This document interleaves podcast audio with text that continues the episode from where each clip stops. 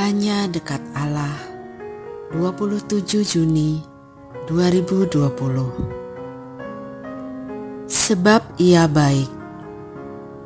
Sahabat Dalam bait pertama Mazmur 107 Pemasmur menulis Bersyukurlah kepada Tuhan sebab ia baik. Bahwasannya untuk selama-lamanya kasih setianya biarlah itu dikatakan orang-orang yang ditebus Tuhan, yang ditebusnya dari kuasa yang menyesakkan, yang dikumpulkannya dari negeri-negeri, dari timur dan dari barat, dari utara dan dari selatan.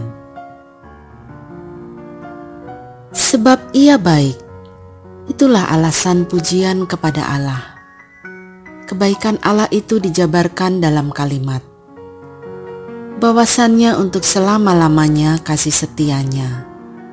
Kebaikan Allah tidak bersifat temporer, tak terkandung keadaan, tetapi melampaui waktu itu sendiri. Sahabat, mungkin persoalannya memang di sini. Berbeda dengan Allah, manusia dibatasi oleh waktu dan sering kali pandangan manusia hanya berbilang tahun, sehingga tak selalu mudah untuk manusia memahami kebaikan Allah. Kadang manusia baru bisa sungguh-sungguh menyadari kebaikan Allah dalam sebuah peristiwa ketika telah berjarak cukup lama dengan peristiwa itu.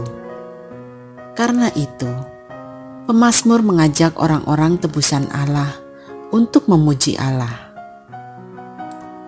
Jadi, dasarnya bukan peristiwa-peristiwa sehari-hari yang kadang membuat kita tak begitu memahami kebaikan Allah, tetapi peristiwa penebusan. Penebusan, kematian dan kebangkitan Yesus orang Nazaret merupakan alasan terkuat kita memuji Allah. Karena dalam penebusan itu, kita menjadi miliknya.